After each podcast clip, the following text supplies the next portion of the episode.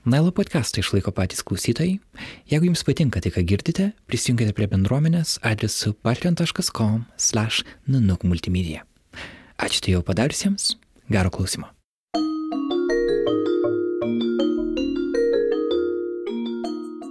Aš manau, kad Lenkų bendruomenė turi tokią specifinę ir rusų tautai nebūdingą problemą, tai yra kalbos vartojimas viešajame gyvenime.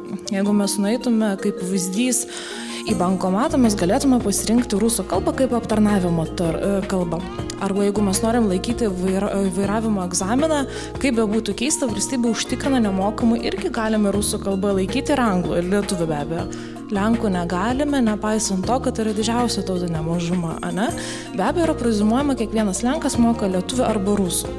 Taip, jie moka ir visi lietuvių, bet tai nereiškia, kad jie nenorėtų savo kalbą bendrauti.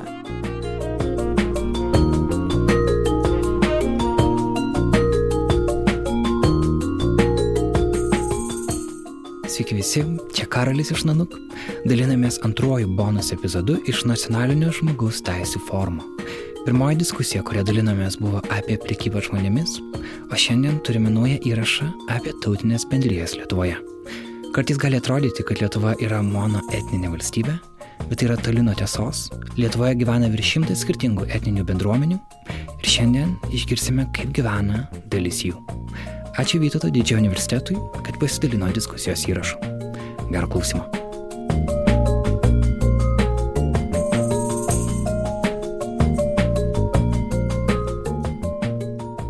Man malonu Jūs pasveikinti žmogaus teisų forumo popietinėme panelyje, kurio pavadinimas Tautinių mažumų teisės Lietuvoje, kaip nustatyti standartus Skubu pristatyti Vaiva Vėželytė Pokladova šalia manęs. Vaiva yra iš tautinių mažumų departamento prie Lietuvos Respublikos vyriausybės. Vadovauja tautinių mažumų politikos analizės ir informacijos skyriui. Evelina Dobrovolska, kuri yra advokato padėjėja ir Europos žmogaus teisų fondo teisininkė. Taip pat šiandien su mumis Vaiva Poškaitė Tomaševič, Baltijos regiono Romių asociacijos vadovė. Ištvan Kvik, Lietuvos Romų bendruomenės pirmininkas ir Olegas Jerofejevas, Delfirų vyriausias redaktorius, žurnalistas. Prašysiu e- Evelinos trumpo komentaro, ar tautinių mažumų atstovai žino savo teisės, bet ar žino irgi ir savo pareigas. Kaip čia tas balansas yra išlaikytas. Tautinių mažumų konvencija buvo ratifikuota 2000 metais ir dėja šiuo metu mes neturime tautinių mažumų įstatymą nacionaliniu lygmeniu. Ar lengva žinoti savo teisės ir ar tautinės mažumos žino savo teisės, tai aš sakyčiau, kad ne. Jeigu dėl savo profesinės veiklos neprivalėčiau skaityti teisės aktų, tikėtina, kad aš tos konvencijos irgi neskaityčiau ir daugumą čia esančių aš abejoju ar skaitę. Kas tai patvirtina, mes neturime tik problemų su tautiniam mažumom. Bendrai žinomumas žmogaus teisų Lietuvoje nėra didelis. Tas skleidžia ir visi tyrimai. Tuo tarpu, kai kalbama apie tautinės mažumas, mes retai einame į diskusiją, ar tos teisės turi būti užtikrintos. Kai Lietuva ratifikavo be jokių išimčių konvenciją, jinai įsipareigojo, mes privalom užtikrinti tas teisės, tik pati valstybė turėtų nuspręsti, kokiu lygmeniu. Tarkime, jeigu mes kalbame apie asmenvardžius, tai kokios yra taisyklės jų rašybos, jeigu mes kalbame apie dvikalbės lenteles, tai kokiose gyvenvietėse ir koks turėtų būti tankumas tų gyventojų gyvenant. Tai yra tos smulkmenos, kur pati Lietuva nusprendžia, kiekviena valstybė, bet neturėtų būti diskusijos, ar privalome užtikrinti. Jau vien pagal mūsų konstitucinio teismo išaiškinimą be abejo tarptautinės sutartys yra aukščiau mūsų nacionalinių teisės aktų. Šiai dienai mes turime ir nacionalinių teismų sprendimus, kurie tiesiogiai pareigoja priimti tos teisės aktus, kurių trūksta. Ir verta pažymėti, kad kartais mes netgi nuklystame tokias diskusijas, kas yra tautinė mažuma. Tai kadangi aš šitoje diskusijoje spėjau aš Lenkus labiau atstovauju, a, tai kaip pavyzdį galima paimti, tarkim, dvi šalę 94 metų sutartį tarp Lenkijos ir Lietuvos, kur yra puikiausiai apibriešta, kas yra tautinė mažuma ir Lenkai papuola. Tai visų mes jau nebeturime diskutuoti, mes turim įtvirtinę, bet kas yra skaitę. Aš garantuoju, kad didžioji dalis netgi Lenkų tautinės mažumos neskaitė tos sutarties. Gerai, bet turbūt sutiksit kolegos, kad tarp tautinių mažumų yra labai daug skirtumų. Europos tarybos dokumentuose yra irgi tokia savoka kaip bevalstybinės, stateless minorities, bevalstybinės tautinės mažumos tos specifikos labai daug, tai aš gal prašysiu ir gyvaivos paaiškinti, kaip yra su Romų tautinė mažuma. Kur ta specifika yra gal bendra ir su, su Lenkais, su Rusais ar su Baltarusiais, o kur visgi jinai yra labai labai labai skirtinga. Labai yra irgi tarptautinių daug organizacijų, kur vienyje Romų tautybės žmonės yra ir, ir Europos lygmenį, ir pasaulio lygmenį, ir Europos ES lygmenį, jaunimo forumas, jūs atstovaujat, be to, kad dirbat Lietuvos Romų bendruomeniai, bet jūs dar atstovaujat Baltijos Romių organizacijai. Tai jūs kaip ir tokius turit du didelius frontus, jeigu galiu, galiu taip paklausti. Taip, jūs teisingai sakote, iš tiesų ne tik tuos du frontus ir daugiau, kaip anksčiau sakė, turim ir kitos veiklos su ištvanu, ne tik tai sakykime, Romos socialiniais klausimais, taip pat kultūriniai, švietimo ir visais kitais. Bet aš dar norėčiau grįžti, jūs kai kalbėjot, tiesiog kaip atskirti tautinės mažumos, kuo jos ypatingos, tai man tokia mintis iš karto šovė, na taip, Lenka, Rusa, netaip sunku nuo Lietuvio skirti, bet Roma tai tikrai atskirs visi, ar ne? Dėl to norėčiau kažkaip ir išskirti, kad taip, ši tauta yra vis tiek, ji yra kitokia, yra ypatinga, ji yra matoma. Ir kas yra labai svarbu, kad Romai yra matomi ne tik, sakykime, išskiriami fiz, fiziškai ir nesakykime, akimis vizualiai, bet jie ypatingai saugo savo kultūrą, savo tradicijas, dėl to jų yra pranga ir visa kita yra visai kitokia. Ir aš manau, kad tai yra na, viena ryškiausių Lietuvoje tautinių mažumų. Mes iš to nu pradėjom dirbti Lietuvos Romų bendruomeniai, būtent dar ne, neoficialiai labai labai senai, nes Romai vieni kitus Lietuvoje pažįsta. Tai yra tikrai tiesa. Faktiškai vardais pavardėm vienas kitą žino. Savo vardais pavardėm, tarp kitko pasuos jie visai kitokie yra, negu vienas kitą vadina.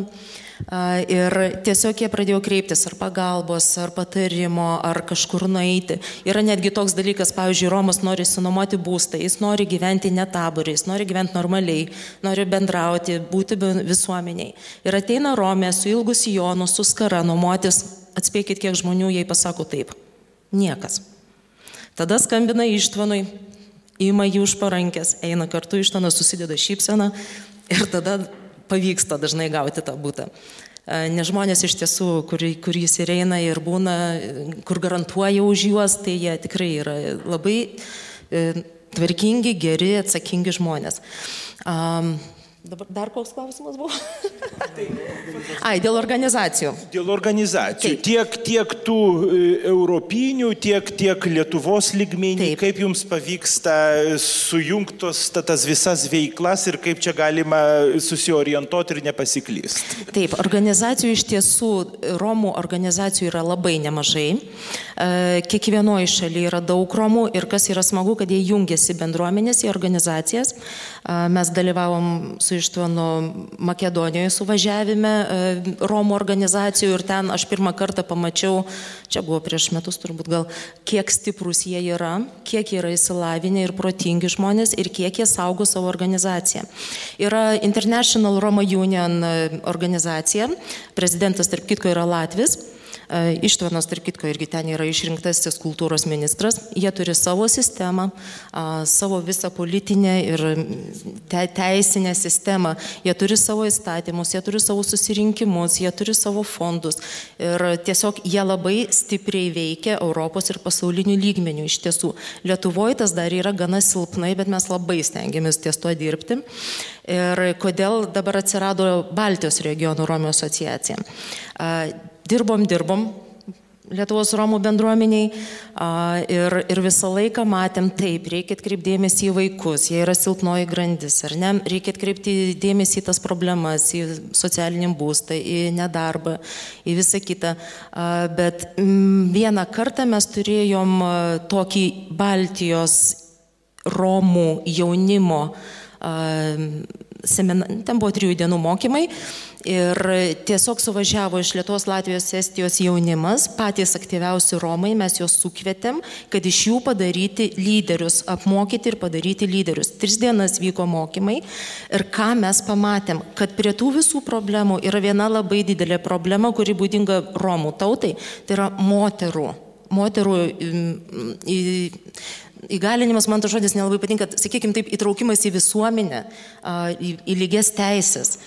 Ir tiesiog yra tokia situacija, kai niekam nepaslaptis Romės anksti išteka, prasideda šeima, vaikai, jos dažnai negali pabaigti mokslų, negali įgyti specialybės, nieko negali, jos sėdi namie ir jos lieka visiškai priklausomos nuo vyro. Ir tai labai yra negerai, nes keičiasi sąmonė, keičiasi jau su metais viskas ir tos pačios romės jos nebenori jau irgi sėdėti namie, jos nori būti lygiai vertės, jos nori veikti, jos nori dalyvauti gyvenime. Ir mes tada įkūrėme Baltijos regionų Romio asociaciją, merginų, būtent Romių. Ir dabar aišku, kaip visada ir visur, mums trūksta lėšų be abejo, kad susitikt, kad veiklą išvystyti, kad, kad, kad pradėti daryti kažkokius rimtus labai dalykus, bet mes po truputėlį judam, judam. Dabar nesenai buvo metai, kaip įsikūrėm, darom tam tikrus mokymus, seminarus. Tarp kitko, šiandien vienas seminaras mūsų Romėms prasidėjo su Romų visuomenės centru su, su ponė Svetlana. Mm, e, Romės šiandien gamina papuošalus, susirinkusios pas mūsų ofise, juos daro, muletus, papuošalus ir ruošiasi ketvirtadienį turėsim mūgę, labdaringą mūgę, kurios parodys, ką jos moka, ką jos daro. Tai yra mažas ir, sakykime, toks smulkus žingsniukas, bet jis jau yra. Gal išnanai dar apie Nes ko gero ištvana visi pažįsta absoliučiai iš koncertinės veiklos, kaip jums sekasi jungti būtent Romų teisų apsaugos veiklą su, su jūsų koncertinė veikla. Ar tai padeda, ar trukdo, ar... Nu, iš tikrųjų e, labai daug ką pasakė Vaiva e, ir aš tik norėčiau pridurti, kad e, man yra lengviau. Dėl ko? Dėl to, kad esu šiek tiek žinomas. Kukliai pasakiau šiek tiek, dėl to, kad... Tikrai kukliai. Taip, dėl ko? Dėl to, kad manau, kad yra kur dar tobulėti ir daryti savo veiklas toliau. Bet iš tikrųjų labai gerai, kad yra žmonių, kurie, pavyzdžiui, nu, jau turi kažkokį štampą, ne, kad tu esi e, Romas, bet tu esi geras. Čigonas. Romas. Tai va šitas yra labai svarbu dėl to, kad, va, pavyzdžiui, net ir gauti elementariai kažkokią paslaugą iš valstybės arba kreiptis kažkur su savo problema, tau e, yra labai sudėtinga ir e, tada mes iš tikrųjų padarom nu, labai nemažai darbus per tos savo keturis metus ir buvau išrinktas e, kaip jaunas lyderis ir tapau Lietuvos Romų bendruomenės pirmininkas. Iš tikrųjų man buvo šiaip baisu atstovauti visų Romų, nes esu gana jaunas. E, bet kito pasirinkimo nebuvo ir tikrai supratau, kad turi kažkas atstovauti mūsų e, tautą. Ir kitas dalykas, mes dabar dirbam labai daug su savivaldybės, e, dalyvaujam su su Gintautu Palucku, pavyzdžiui, bendroji tokiai, turim tokią kaip platformą Romams, būtent skirtą Romų taborui ir kad žmonės persikeltų jo, integruotųsi į normalius būstus ir taip toliau ir panašiai. Ir vat, ko trūksta mūsų, mūsų nu, ne bendruomenė, jau kaip sakyt, mūsų, mūsų to, vis tiek mes Romai, kur gyvenam čia Lietuvoje, vis tiek mes esame jau Lietuvos Romai, mes esame pilnaverčiai uh, gyventojai, bet uh, aišku, yra neapykantos iš, tokios iš, iš žmonių. Tai yra ir diskriminavimas, yra ir, pavyzdžiui, nenoras priimti Romų į darbą, yra visokie tokie stereotipai. Mes dar to, to grįšime prie šito. Ir ko, ko mes siekiam padaryti, parodyti būtent visuomeniai, kad sužinoti tik informaciją apie Romų daugiau. Pavyzdžiui, kad, kad žmonės sužinotų, kas yra tie Romai, ką jie, e, ką jie, kokia yra jų kultūra, kokia, ką norit, kokia yra jų dainų, jų patikalų, jų, ten nežinau, kažkokie savybės kitokios, negu yra traktuojama dabar viešai ir yra tie stereotipai jau suformuoti. Tai va čia yra mano užduotis. Ačiū. Dabar, dabar dėl rusų tautinės mažumos. Irgi atrodo, kad ir žinom, ir nežinom apie rusų tautinę mažumą. Su Lenkais yra kaip ir lengviau. Yra tokia piramidė, čia šiek tiek ironizuoju ir jokauju, bet, bet nu, turbūt sutiksi, yra Tomaševskis ant tos piramidės, Ten po to yra e, Lenkų frakcija Seime, yra nevyriausybinės organizacijos, kas yra už Tomaševskį, kas priešais Tomaševskį. Dabar kaip yra su rusų tautinė mažuma? Lyg ir kažkur atsimenama apie, apie rusų tautinę mažumą, ypatingai e, kai vyksta pastarojų metų Rusijos valstybės e, agresyvūs veiksmai Ukrainoje, bet taip kasdieniam gyvenime lyg ir, lyg ir yra e, Lietuvos rusai, lyg ir jų nėra. Koks yra visgi dabar status quo rusų tautinės mažumos? Kiek yra rusiškumo, kiek, kiek yra to politinio dalyvavimo, jeigu kalbam apie Lietuvos rusų bendruomenę? Iš tikrųjų, e, situacija gana sudėtinga ir aš sakyčiau liūdna, nes e, rusų bendruomenė Lietuvoje būdinga tokia labai didelė fragmentacija. Nes vienas su savo brožais ir savai jaučiasi bendruomenė Klaipėdoj, kiti reikalai ir kita situacija Visaginė. Ir e, trečias atvejis visiškai kitoks tai yra Vilnius, kur visi tokiam katile. Ir e, nėra jokių tokių aiškiai matomų lyderių, aš net ne apie politikus kalbu, nes čia kitas labai svarbus bus klausimas apie politiką. E, visuomenė, visuomenės lyderių kažkokių, e, kažkokių organizacijų, kurie galėtų galbūt net nereikšti e, ten kalbėti apie tai, kad pažeidžiamos, nepažeidžiamos teisės, bent panalizuoti kas vyksta aplamai. Nes e, tokia funkcija anksčiau e, ir dabar aš taip suprantu, ten irgi kartais kars nuo karto tyrimai yra e, etiniam, tai prisiminsiu pavadinimą prie Tautinių mažumų departamentas. Į tautinių mažumų departamentas be abejo, bet anksčiau labai daug tyrimų darė etinių tyrimų centras, institutas prie taip. Ir e, pagal, pagal tos tyrimus mes matom, kad 70-80 e, procentų rusų ar rusakalbių Lietuvoje nori kalbėti, e, tarkim, rusiškai būti ir kitose likmenyse, bendrauti, išsaugoti savo kalbą, lankyti kultūrinius renginius rusų kalba ir ten procentas netgi trupučiuką didesnis negu Lenkų bendruomeniai. E, o iš kitos pusės politika, aš paminėjau, e, daro savo. Mm, ir tai yra tokia, aš sakyčiau, žala, nes mes atsidurim tokio sudėtingai geopolitiniai situacijai, kaip jūs teisingai paminėjot, agresyvus kaimyno didelio veiksmai prieš kitus kaimynus. Ir mm, dėja kartais tas požiūris uh, pereina ir į tam tikrus atstovus rusų bendruomenės Lietuvoje.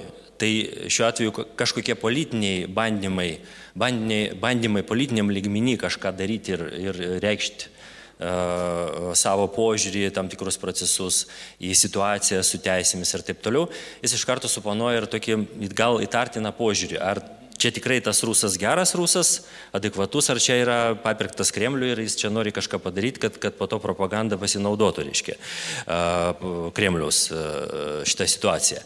Ir man atrodo, kad šitoje vietoje, aš savo pasakiau prieš šitą diskusiją, kad reikia vengti kažkokių receptų ir, ir, ir, ir tokių pasiūlymų, nes vis tik tai mano galbūt stipresnė pusė yra tokia apžvalginė, pažiūrėti kokia situacija, bet mano vis tik tai receptas susitarti iš karto, kad tai, ką mes darom šitoje srityje, mes darom savo, tarp savų ir, ir vardan bendro gėrio. O kas ten pasinaudos po to, tai ne mūsų reikalas, nes vis tiek, jeigu norės pasinaudos, tai nuo to susitarimo aš siūlau ir pradėti.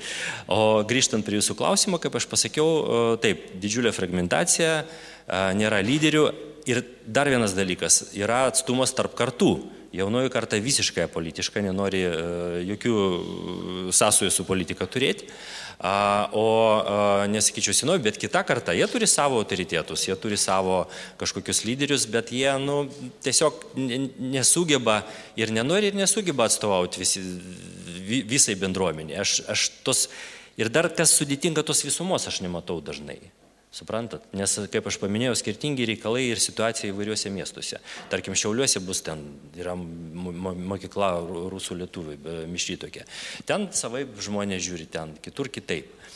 Va, bet e, e, kas, kas iš tikrųjų yra, e, tai va tie tyrimai, kurie parodo, kad žmonės nori ir, ir kad būtų kultūrai žydiniai, ir, ir, ir rusų kalba, kad gyvuotų, ir diskusijos vyksta. Tai noras save išsaugoti savo tapatumą tikrai yra. Koks tas tapatumas, čia kitas klausimas. Jis labai irgi labai skirtingas. Tai dabar jau priartėjom prie gerbiamos Vaivos iš tautinių mažumų departamento. Ir mano dabar klausimas, kaip dabar nepasiklys tautinėms mažumoms tarp gausybės galimybių ir, ir, ir norų, ir teisių, ir pareigų. Kaip jūs įsivaizduojat departamento veiklą, departamento nebuvo, dabar, dabar vėl atsirado, galim jūs vadinti tautinių mažumų ministeriją. Ko gero taip. E, Kad jūsų žodžiai Dievų jausi, kaip ten sako.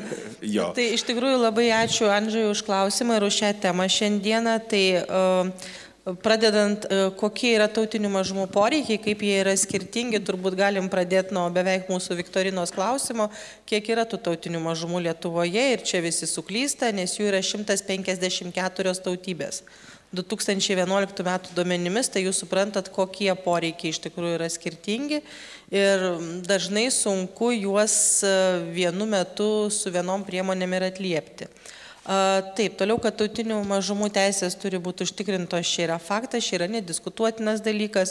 Ir Lietuva, kaip jau minėjo ir gerbiama Evelina, yra 2000 metais ratifikavus konvenciją, tačiau noriu paminėti, kad šitas klausimas Lietuvoje jau yra labai seniai aktualus ir mes turime iš tikrųjų šimtmečių patirtį sugyvenimo įvairių tautybių ir atkuriant Lietuvą nepriklausomą 89-90 metais mes jau turėjom tautinių mažumų įstatymą. Tai rodo, kad mums tai yra svarbu iš tikrųjų, bet visą laiką tarp gero ir geresnio norisi geresnio. Turbūt su tuo sutinkam ir visą laiką yra linko judėti.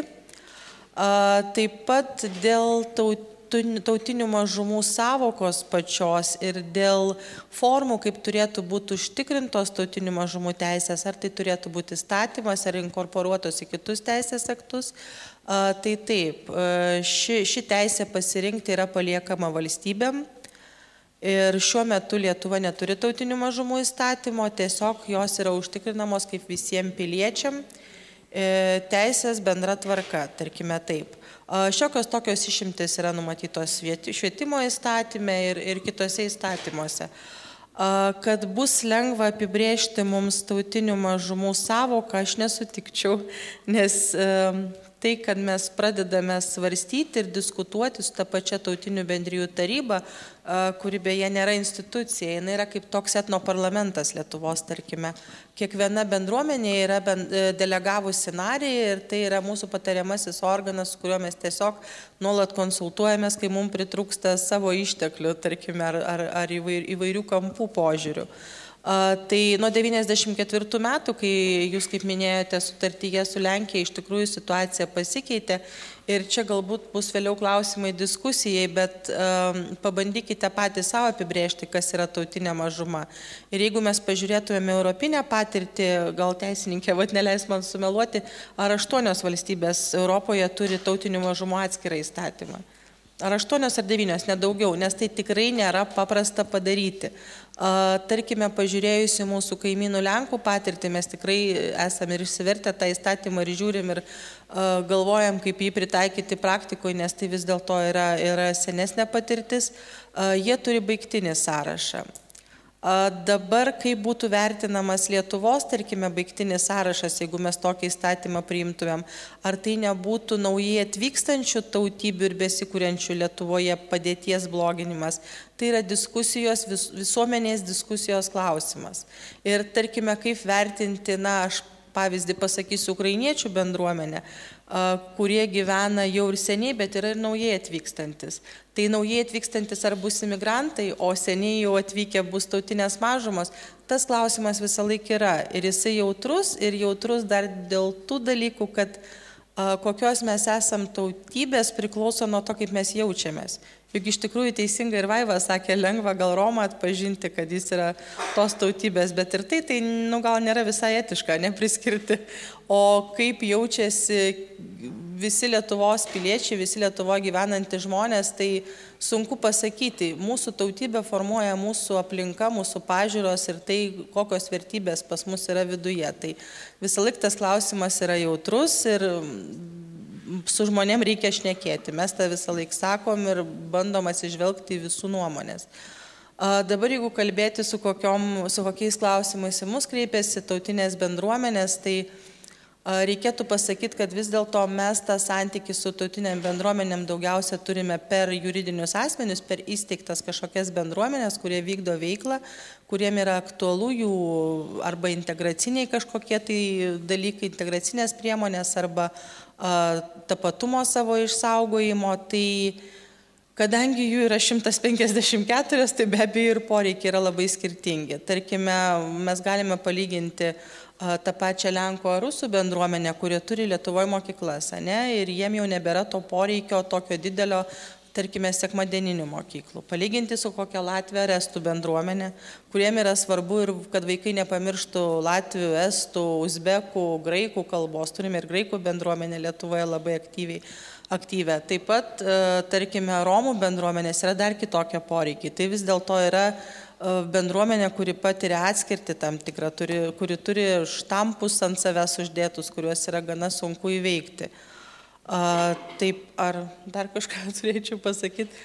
Iš tikrųjų, tai labai daug yra tų klausimų ir tai, kad mes tiek laiko gyvename ir sugyvename kartu, tai rodo, kad mes kažkaip sprendžiame tos klausimus, bet kaip jau ir minėjau, visą laiką tarp norisi kažko geresnio, tai iš tikrųjų manau, kad visą laiką esame atviri diskusijai, tiek departamentas, tiek vyriausybės yra šiuo metu tokia pozicija atsigrėžiant į tautinės mažumas, skiriant jai dėmesį ir suprantat, kad mūsų vairume yra ta mūsų stiprybė. Iš tikrųjų. Ačiū.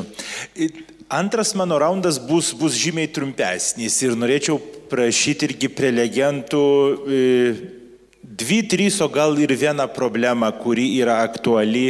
Be abejo, čia bus subjektyvi jūsų asmeninė nuomonė, bet iš, iš jūsų taško žiūrint, Lietuvos rūsams, kas dabar yra opiausia? Iš savo pozicijos žiūrint, aš pabandysiu kažkaip apibendrinti ir iš savo, ir iš tai, ką aš matau viešoje erdvėje, ir laiškai skambučiai kažkokie į redakciją, ir gal, gal kartais komentarai. Aš sakyčiau, švietimas labai svarbus klausimas, nes jeigu mes kalbam apie kažkokį tapatumo išsaugojimą ir norą puoselėti, tai čia trys aspektai svarbus - kultūra, švietimas ir žiniasklaida. Nes čia yra trys šaltiniai, kurie ir, e, nes ten, ten visur kalba, tuose šaltiniuose visuose jo, arba žydiniuose. Ir tai mus, ir, nu kaip čia pasakyti, padaro rusais ar lenkais, ar, ar, ar, ar žydais, ar romais. Ir e, kalbant apie švietimą, kiek teko girdėti, nu čia bendra galbūt problema, mažėja mažėja žmonių, emigruoja žmonės ir vis mažiau vaikų iš rusakalbių rusų šeimų eina į mokyklas, nes dabar, man atrodo, 14 ar 15, tik, 14 ar 15 tik tai tūkstančių, o buvo anksčiau vos ne 70.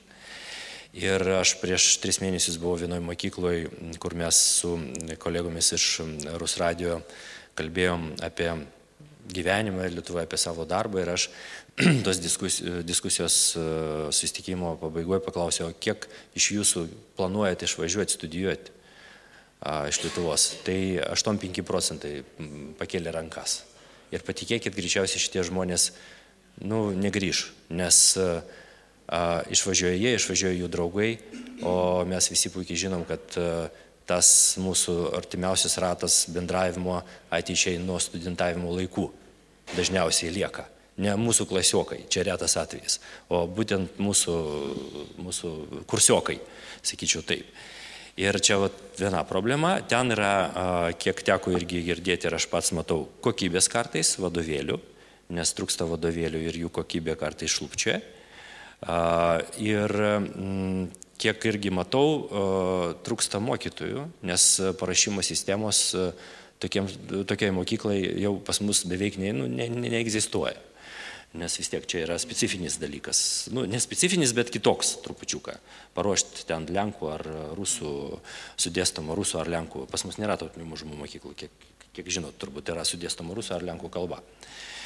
Tai va, tai čia vienas, vienas. E, kalbant apie kokybę, aš tą patį ir kiekybę galėčiau pasakyti apie žiniasklaidą, nes yra pas mus kokybiškų laidų, Lietuvos radijoje yra ir, ir puikiai Olego Kurdikovo laida Rusų gatvė ir, ir tas pusvalandinis naujienų ir, e, sakyčiau, reportažų e, laida per Lietuvos radiją, bet tai yra mažai. Uh, nu, aš nenoriu sakyti, kad visa kita yra nekokybiška, bet, bet yra iš tikrųjų laukas didelis, kur galima dar dirbti ir, ir, ir gerinti tą kokybę.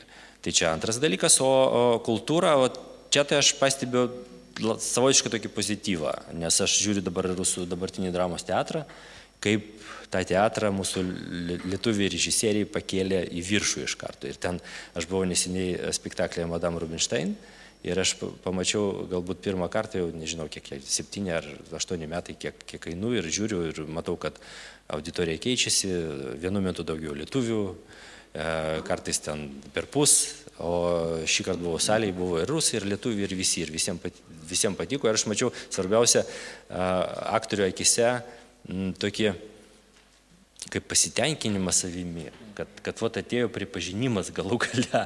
Tas yra nuostabu tiesiog ir, ir aš tik tai už, kad, kad toliau su teatru taip reikalai e, eitų į priekį. Evelina, du, trys e, klausimai, kurie rūpi Lietuvos Lenkams tavo nuomonė. Jeigu žiūrėtų pagal konvenciją ir dvišalę sutartį, tai be abejo lieka neišspręsti dvikalbių lentelių klausimai, lieka asmenvardžiai, kurie yra pakankamai aktualūs, lieka taip pat tautinių mažumų kalbos vartojimas viešajame gyvenime. Asmeniškai aš konsultuoju ir klientus, tai kaip be būtų keista, aš tikrai sulaukiu skambučio bent jau kartą į pusmetį, kai jis man klausia, aš galiu per pertrauką darbę kalbėti ten rusų arba lenkų kalba.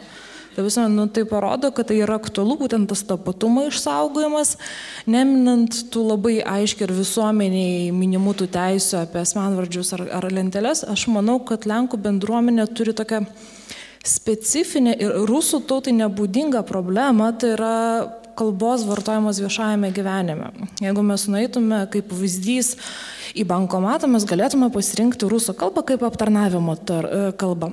Arba jeigu mes norim laikyti vaira, vairavimo egzaminą, kaip be būtų keista, valstybė užtikrina nemokamai irgi galime rusų kalbą laikyti ir anglų, ir lietuvių be abejo.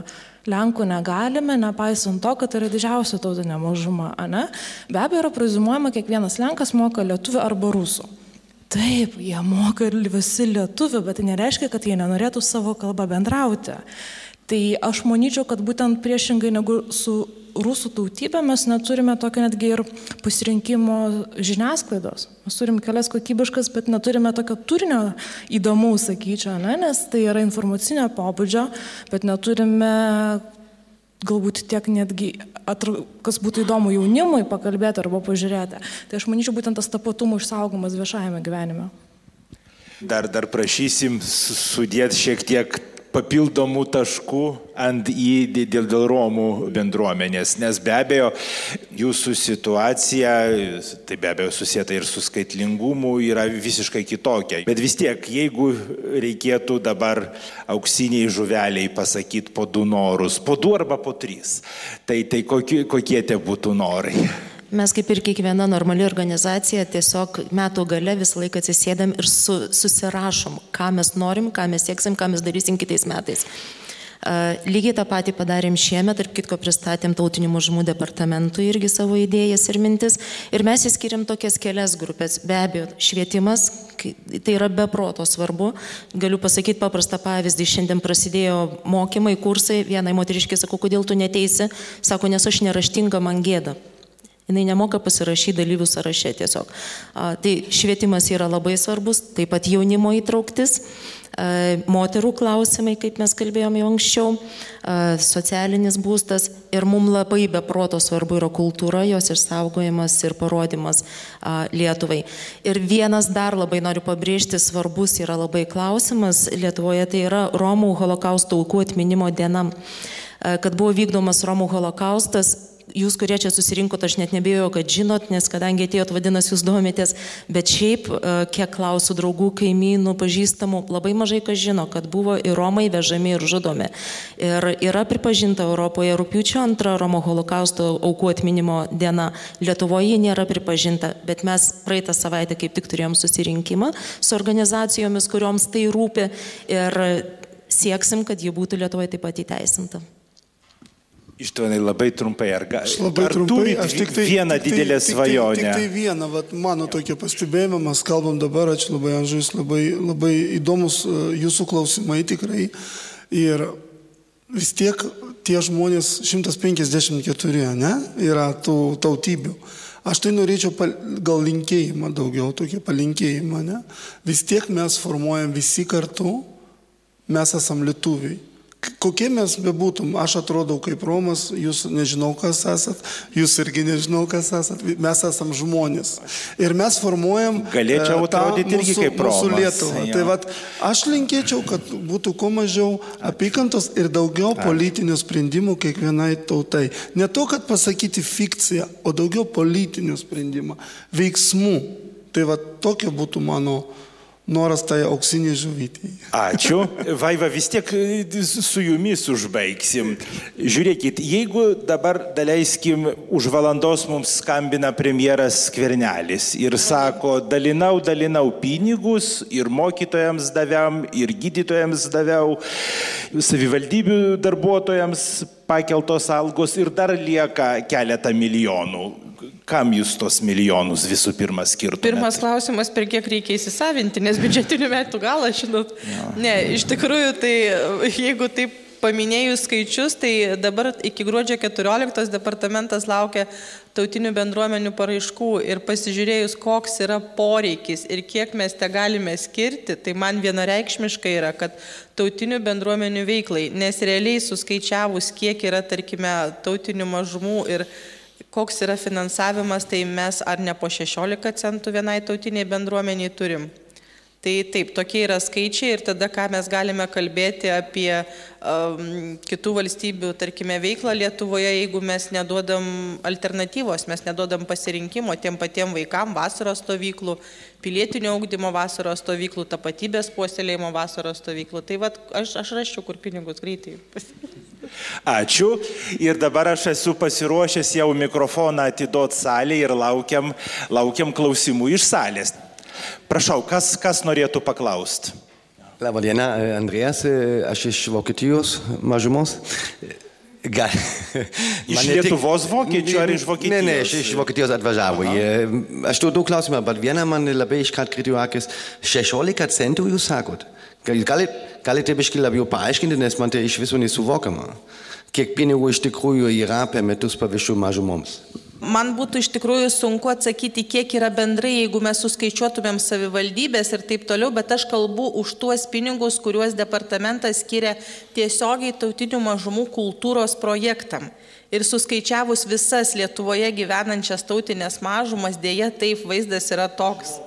Taip, žmogui. Aišku, turime atmesti tai, kad, na, gal ne visi dalyvauja tautinių bendruomenių veikloje, gal ne visiems yra aktualu, bet Lietuvoje mes turime registruotas apie 300 tautinių mažumų nevyriausybinio organizacijų. Mes gauname poreikį, tarkime, finansavimo kokius 2,5-3 kartų didesnį, negu galime patenkinti. Taip. Gal apie tą finansavimą reikia dar trupučiuką? Aš tai dar vieną irgi, vat, gal norėčiau diskusijai. Ne, gal matot, kas yra? Be abejo, mokyklos yra finansuojamos tiesiogiai iš savivaldybės. Švietimo ministerija nustato normas ir be abejo, čia ne, tautinių mažumų ta, departamentas ne? tik finansuoja nevyriausybinio organizacijų projektus. Gal, gal tą reikia taip, dar patikslinti. Taip. taip pat dar organizacijos gauna paramą ir mes susirenkam tą informaciją iš savivaldybių. Ir Ir ten, kur yra, tarkime, daugiau tautinių bendruomenių, ten, tarkime, Vilniaus rajono šalčininkų savivaldybė, yra remiami tikrai bendruomenių projektai. Tačiau ir pagal tuos skaičius matome, kad nėra tiek daug, kiek norėtųsi. Norėtųsi pagirti savivaldybės, kur iš tikrųjų mums atrodo, kad ten gal nelabai tų tautinių bendruomenių rasi, tarkime, Kretingos savivaldybė skiriant kiek, pasiu, tarkim, santyki tautinių bendruomenių žmonių skaičių ir kiek jie skiria, tai pirmavo beje 17 metais pagal finansavimą. 18 metų dar nesam susirinkę. O va aš dar norėčiau vieną klausimą tiesiog, Andžiau. Buvo tokia iniciatyva lapkričio pabaigoje, gruodžio pradžioje, aš manau, Revelina ją yra girdėjusi, Europos parlamentas siūlo mm, formuoti naują direktyvą tautinių mažumų teisų klausimais ir ten buvo nuskambėjęs toks pasiūlymas, kad e, netgi atskiros tautinių mažumų mokyklos e, galėtų būti vertinamos kaip segregacija tam tikra, kad tai nėra integracija į, į šalies gyvenimą. Tai va, tomu, kaip iš tikrųjų vertintų ir, ir salė, ir, ir diskutuojantį šią nuomonę, šį pasiūlymą. Be abejo, mes čia visų klausimų ne, nežadam, galiausiai čia ir, ir, ir etninės grupės toli, toli gražu nėra atstovaujamos. Aš manau, tų modelių dėl tautinių mažumų švietimo yra labai labai įvairios. Ko gero, pirmauja skandinavai, kaip, kaip ir visose žmogaus teisų srityse. Čia mes ir pabandėm šiek tiek prisiliest. Nėra vieno recepto ir Evelina norėjo dar trupučiuką papildyti. Jo. A, būtent labai gera pastaba, tų modelių tikrai yra labai daug. Ar tautinės mažumos būtų laimingos, jeigu būtų pasirinktas vienas iš tų modelių, čia yra be abejo labai ilgas klausimas. Nei vienas iš tų modelių iš esmės nėra blogi. Klausimas yra tai, ar yra užtikrinamos tos teisės. Nes jeigu ir kalbė, kaip jau buvo minėta, tas yra įstatymas, puikiausiai galima papildyti jau turimus teisės aktus ir tos teisės puikiausiai būtų įgyvendintos. Ir jeigu žiūrėtume netgi į šiai dienai registruotus įstatymų projektus Seime, kurie yra daugiau negu penki, jeigu neklystu, Taip, tai tenais mes matome, kad nei vienas iš tų projektų neapriepia visas rytis. Netgi norėdami užtikrinti vieną priėmę teisės aktą, mes to neišspręstume. Ir kalbant, ar na, yra tas poreikis galbūt kažką spręsti, tai mes turime tas tarptautinės organizacijas, turime Europos saugumo bendradarbiavimo organizaciją kaip pavyzdys. Na, artėja rinkimai, aktuali tema, spėju visiems. Ir Europos saugumo bendradarbiavimo organizacija, kurie atvyksta į Lietuvą kiekvieną kartą į rinkimus stebėti, visada duoda savo ataskaitas ir pastabas. Ir visada yra atskiras skiltis dėl tautinių mažumų teisų įgyvendinimus, tai ir 12 ir 16 metais tos pastabos jos kartojasi dėl tautinių mažumų. Visų pirma, tai yra rinkimų slengstis. Yra rekomenduotina tautiniams mažumoms sumažinti, nes tuo metu yra didesnis konkurencingumas ir atstovavimas. Kitas dalykas, kiek informacija tautiniams mažumoms yra pasiekima apie rinkimus. Mes nekalbame apie tai, kad kai kurios partijos, kurios, na, mato kaip rinkėja tautinės mažumus, galbūt apie save išsiverčia. Su to taip, bet bendra informacija, kur eiti balsuoti, Tokia bendra informacija yra naudinga kiekvienam. Šiai dienai yra labai ribota ir nėra ta pačia apimtimi teikiama visuomeniai, kas be abejo irgi laikytina na, rekomendacijų nevykdymu. Tai būtų, manyčiau, viena iš tų gerųjų praktikų pradėti nuo to, ką jau mūsų įpareigoja padaryti, o tada jau galim žiūrėti, ką galėtume daugiau padaryti. Ar dar būtų klausimų? Prašau. Sveiki, aš Agnieška. Labai ačiū už diskusiją ir klausimas Vaiva Rištvanui, nes buvo minėta, kad kalba yra vienas iš tų iš šaltinių tapatybės. Taip, kalbos išlaikymas yra kaip savo tapatybės išlaikymas. Didesnės mažomos turi būtent mokyklų. Pliusą tos mažomos gali turėti pamokas arba sekmadinės mokyklas ir taip e, mokyti savo kalbos ir ją išlaikyti, o Romų atveju tai nėra taip paprasta ir kokios jūsų idėjos, kokie jūsų planai būtent Romų kalbos išsaugomų ir ar matot grėsmę būtent Romų kalbos išsaugomų Lietuvoje. Labai Jums ačiū. Tikrai, tikrai vat, pasipildysim labai gražiai. Dėl Romų švietimo aš suprantu, kad klausimas. Jo. Taip, šita tema irgi pas mus yra plane kitų metų. Iš tiesų, kas yra išskirtinai kitaip su Romais? Jie neturi savo knygų, ar ne, jie neturi savo užrašytų pasakojimų, viskas vyksta verbaliniu būdu, viskas perdodama iš lūpų į lūpas, dėl ko jie visą laiką gyvena kartu, dėl ko jie vienas iš kito mokosi. Jie perdoda savo kalbą vienas kitam. Taip yra abecėlė, yra knyga išleista, aš dabar autoris ne, nepasakysiu. Beinortienė, taip, vida. Taip, yra išleista viena knyga, bet Romai visą laiką savo kultūrą perdoda vienas kitam iš lūpų į lūpas. Aš net nežinau, mes turbūt sunku pasvajoti apie kažkokį mm, Romų, sakykime, kalbos centrą, bet yra Romų visuomenės centras, kur romiukai renkasi, mokosi, bendrauja ir tą savo kalbą jie ten išlaiko.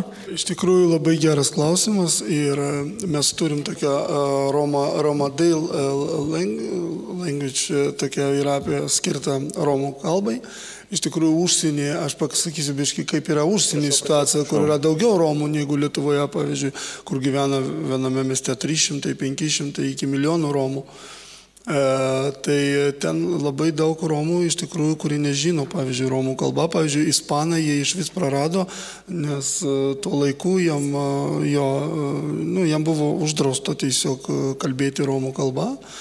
Ir jie turėjo ten ir kankinimai visokie dėl savo kalbos. Taip ir iš Suomijos Romai irgi, jie prarado visiškai savo kalbą ir dabar, kaip yra situacija Lietuvoje, pavyzdžiui, Rusijoje, Lenkijoje ir Baltijos šalise, tai Romai dauguma kalba savo kalbą ir jie čia turi jau tokią, nu kaip sakyt, priemonė, kad jeigu tu esi Romas, tu turi žinoti savo kalbą. Mes neturim ne vienos vadovėlių, net ir galiu pasakyti taip drąsiai, Biblija pasikeitė tris ar keturis kartų, o Romų kalba jinai išliko. Mes nežinom to paslapti, kaip jinai išliko, bet jinai išliko. Mes iš lūpos į lūpą turim perduoti tą kalba. Tai vat, čia tu turi arba išmokti, čia yra kaip, kaip džiunglis įstatymas. Arba taip, arba ne. Nu, tai vat, vat, vat, vat, vat, tok, tok, tokie lygmenį mes turim dabar. Iš tikrųjų, mes, vat, yra tai vat, Vida Beinortinė išleido tą knygutę apie Romų pasakos ir taip toliau. Mes irgi norim a, daryti, nes yra labai daug dialektų Romų, pavyzdžiui, yra a, Lovarė, Kaldelarė, net ir lietuvių Romų turi brožą, vis tiek mes naudojam lietuvių žodžius a, a, savo kalbose. Tai, vat, tai tiek turbūt. Nežinau, ar, ar dar yra klausimų, ar galim jau dar prašau. Taip, aš ne mažumos, aš migrantas, davo migrantas iš Vokietijos į Lietuvą. Man labai įdomu vienas klausimas, kai aš prieš dešimt metų pirmą kartą važiavau į ligoninę, pavyzdžiui, ėjau pas gydytoją, sako, wow, tu mokėjau lietuviškai. Ir visą laiką, visą laiką buvo, bet pas mus gyvena tiek daug rusai, kurie kalba rusiškai su mumis, ne lietuviškai. Ir mes turime Vokietijoje tą problemą. Aš pilnai sutinku, kad Romai turi kalbėti Romai, jūsų kalbą, lenkia lenkiškai, rusai rusiškai, tai labai svarbu dėl identitetos. Bet žymiai lygiai taip pat svarbu ne dėl integracijos klausimas, tiesiog dėl dalyvavimo yra tos šalis kalbų mokėjimas, kaip jūs mokat lietuviškai. Aš noriu paklausti, ar yra tai da aktuali problema? Nes yra labai svarbu, kai tu kur nors dalyvauji, kalbėti būtent ir lietuviškai Lietuvoje. Ir ja, čia tiesiog mano klausimas. Kaip ir aiškus klausimas, tai yra valstybinės kalbos mokėjimas. Vaiva, gal jūs trupučiuką paaiškinsit? Ja. Nors iš tikrųjų, taip aš su jumis sutinku, kad mes neužtikrindami tautiniam bendruomenėm galimybės puikiai mokėti valstybinę kalbą, va čia tai iš tikrųjų yra diskriminacija, nes jie tada praranda, tautinės bendruomenės praranda tam tikrą, kaip čia pasakyti, galimybę tolygiai dalyvauti tiek darbo rinkoje, tiek visur kitur. Tai nors iš tikrųjų tyrimų duomenys rodo, kad nėra tokia didžiulė problema, bet aš su jais ne visai sutinku, nes nuvažiavusi kokį visaginą visai taip netrodo. Jeigu vaikai, moksleiviai sako, kaip jūs ten Lietuvoje gyvenate, tai yra tam tikras rodiklis ir iš tikrųjų taip yra. Nereikia taip toli nutolti nuo Vilniaus. Poreikis yra didžiulis, departamentas pagal savo išgalės iš tikrųjų nedidelės ir Klaipėdoje, Visaginė ir tautinių bendrijų namuose Vilniuje. Mes turime šiokias tokias grupės, kur iš darbo biržos siunčia visiškai nemokančius arba sunkiai kalbančius lietuviškai, tačiau po paskutinio pokalbio su tautinių bendrijų namų direktorė, jinai pasakė, kad pas ją 80 žmonių stovi eilėje, kurie tiesiog netelpa į tos kursus. Poreikis yra didelis. Aš galiu papildyti trupučiuką, nes tie patys tyrimai rodo, kad iki 40 metų žmonės, rusai gyvenantis Lietuvoje, dažniausiai puikiai kalba lietuviškai ir šiaip tai, kad lietuvių kalba yra valstybinė kalba, čia nekvestionuojama. Bet teisint trupučiuką mintį apie Visaginą, Tai tas klausimas, kaip jūs ten Lietuvoje gyvenat, reikia adresuoti mūsų politikams. Ar jie dažnai į Visaginą važiuoja, ar jie dažnai ten atvirai su žmonėm diskutuoja. Ir čia aš noriu šiuo atveju, nu kaip, iš vienos pusės pagirti departamentą, nes paskutiniu metu departamentas iš tikrųjų labai aktyviai pradėjo dirbti. Bet departamentas nėra politikai. Yra programos, yra pinigai ir departamentas vykdo savo veiklą, puikiai daro tai, kiek gali, ką gali, bet vis tiek viskas priklauso šiuo atveju nuo mūsų, taip sakykime, nu, nu, nu, iš tikrųjų nuo mūsų politikų, kaip, kaip jie, ką jie padarė, tam, kad šitas miestas nemanytų, ar tie žmonės, kurie ten gyvena, kad jie gyvena Lietuvoje, ne kažkur kitur. Tai čia toks klausimas irgi. O kad būna žmonių taip, ypač pensinio amžiaus, kurie ateina į, pas gydytoją ar kur nors kitur ir jie sunkiai kalba lietuviškai, taip, tokių situacijų būna iš tikrųjų. Jeigu galima labai trumpai, labai dažnai apie Lenkus kalbant, kyla klausimas, ar tarkim tas suvienodintas lietuvių kalbos egzaminas. Ne? Tai pagal visus tarptautinius standartus ir teismų praktika nėra problema, kad tautinės mažumos turi mokėti lietuvių kalbą. Tai yra faktas, tai yra nekvestionuojama ir tautinės mažumos turi būti mokomas lietuvių kalbos.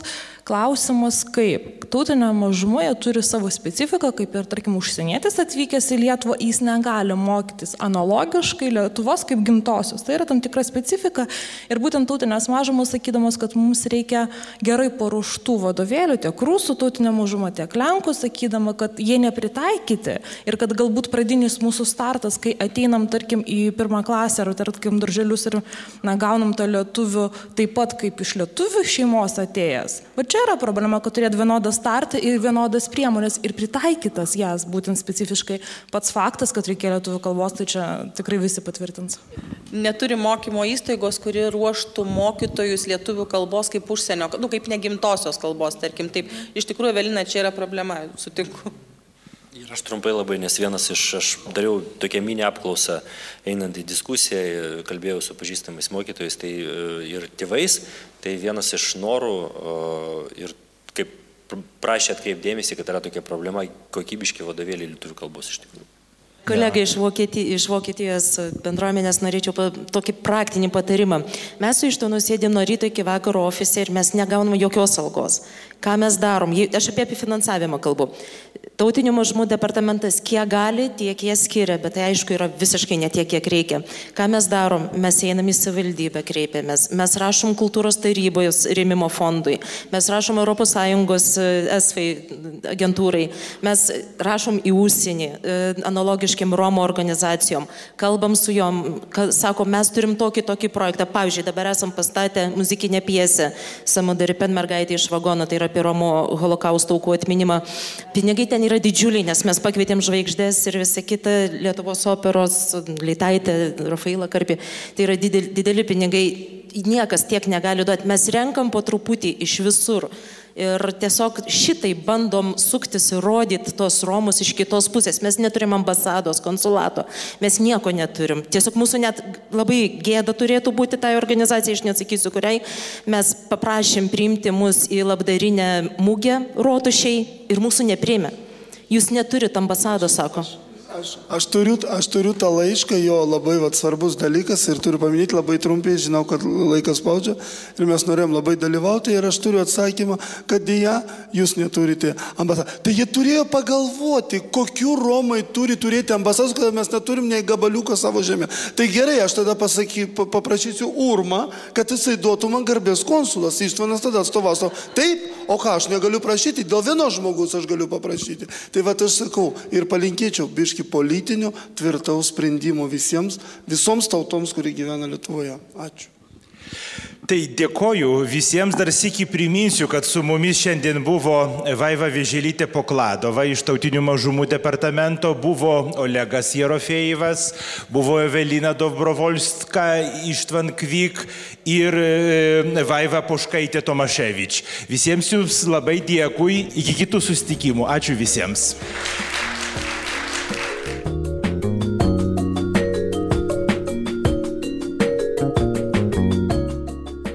Ačiū, kad klausėtės šio bonus epizodo ir taip pat kviečiu užsukti į Nailo podcast'o parodą Martino Mašvito bibliotekoje.